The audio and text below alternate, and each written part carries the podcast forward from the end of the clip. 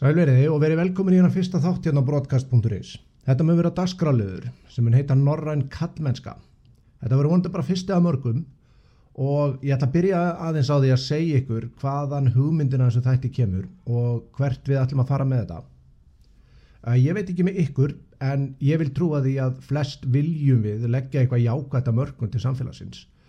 og ég er engin undatekning frá því en eins og svo margir að þá var ég ekki alveg vissum hvernig best væri að fara að því. Mér persónulega finnst ákveðin mál í samfélaginu ekki fá næga aðtigli þegar tekið tillit til hversu alvarlið eru. Og sum þeirra eru orðin svo slæm að það er eiginlega ekki hægt að sjá hvernig mögulegt er að snúa þeim við úr þessu.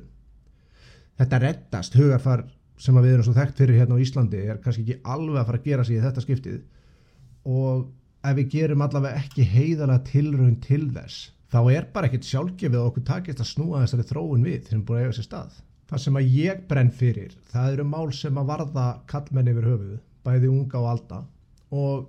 þann algjör að skort á lausnum til að takast á við þau vandamál sem að bara þeir standa frammi fyrir í dag.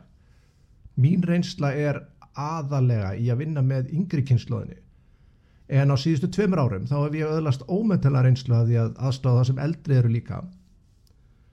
en af hverju vandamál sem snerta karlmenn spyrja eflust margir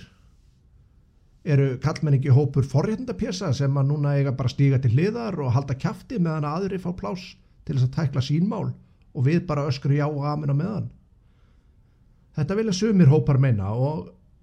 og eru þeir nokkrir orðnir bara mjög hávarir og hafa tekið yfir flesta eðlilega umræðu í samfélaginu með sömu frekju og yfirgangi og þeir bara elska að saka okkur kallmennum. Það er auðvitað hægt að taka undir margt sem þessir hópar segja að mörgu leiti. Við kallmenn sem hópur höfum ekki yfir miklu að kvarta því að eins og flestir hópar á Íslandi þá höfum við nú bara anskoti gott og ef þú ætlar að hlusta á þessa hópa sem hæst hafa að þá höfum við ekki bara gott við erum herri laun heldur en konur við erum í betri störfum heldur en konur